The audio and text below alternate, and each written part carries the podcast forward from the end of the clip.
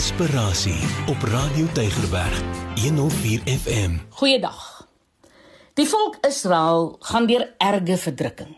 God gee in Josua 1 aan hulle die versekering dat waar hulle ook al hul voetsool sal trap, hy die land aan hulle sal gee en hulle nooit sal begewe of verlaat nie.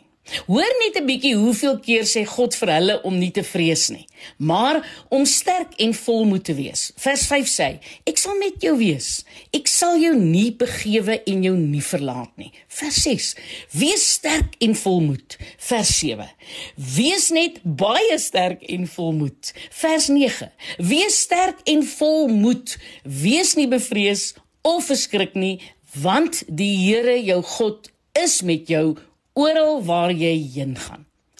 Nou kyk, ek glo daar is vier redes waarom God wil hê dat jy moedig en vry van vrees moet leef. Nommer 1: ter wille van ander. Jou familie, jou kinders, jou vriende, jou kollegas, jou gemeente, jou volgelinge.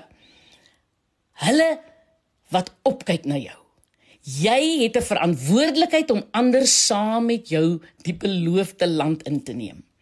Jong, jy sal hulle saam met jou neem op grond van jou moedige, vreeslose verhouding met God.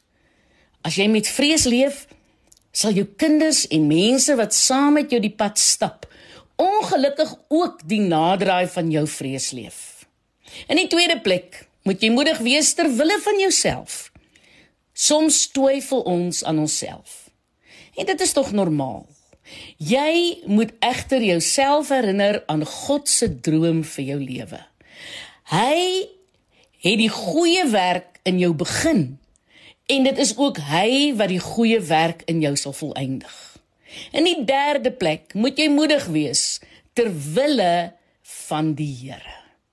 Sy naam is op die spel.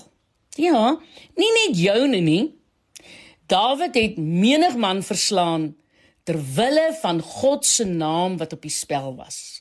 Wees te sterk en volmoed ter wille van die naam van die Here. En in die vierde plek ter wille van jou vyande.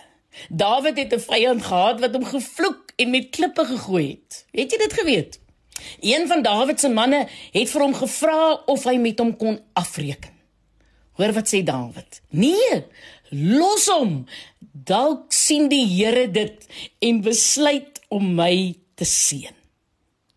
Wees te sterk en volmoed in die aangesig van jou vyand. Jy moet altyd onthou jy kan nooit verloor tensy jy nie opgee nie. Ek is Lenet Beer vir inspirasie op Radio Tygerberg 104 FM.